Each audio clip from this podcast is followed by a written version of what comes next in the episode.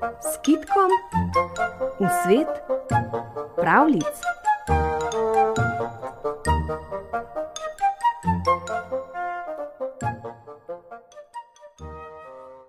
Štirje godci, ki so hodili od vasi do vasi in godli po gostilnah ter se tako preživljali, so prišli nekega večera do podrtega gradu. Mesec je obseval razpadle zidove in skozi okna so molile veje dreves. Tedaj je rekel eden izmed godcev: Tovariši, napravimo nekdanjim grajskim prebivalcem pod oknico.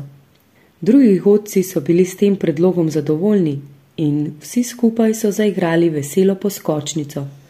Ko so prenehali gosti, je stopil iz razvalin majhen, star možiček, se jim zahvalil za godbo in dal vsakemu orehovo vejco, rekoč jim prijazno: Nesite te vejce svojim otrokom. Godci so vzeli vejce, tudi med potjo so jih pometali v travo in zabavljali nad starcem. Kaj drugega nam bi raje dal? Čemu bodo otrokom te vejce, saj jih imajo doma dosti? Samo eden je vtaknil vejco v žep in jo dal otrokom, ko je prišel domov.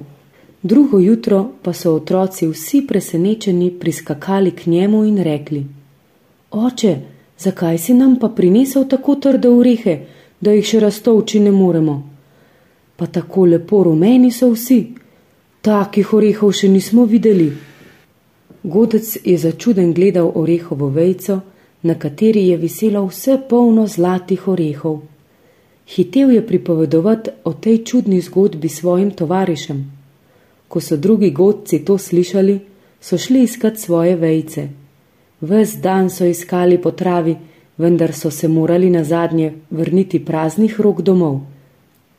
Otroci hvaležnega godca pa so prodali zlate orehe in revščina ni nikoli več potrkala na njihove duri. Ta pravljica nas uči, da človek ne sme nikdar zavreči še tako majhnega daru.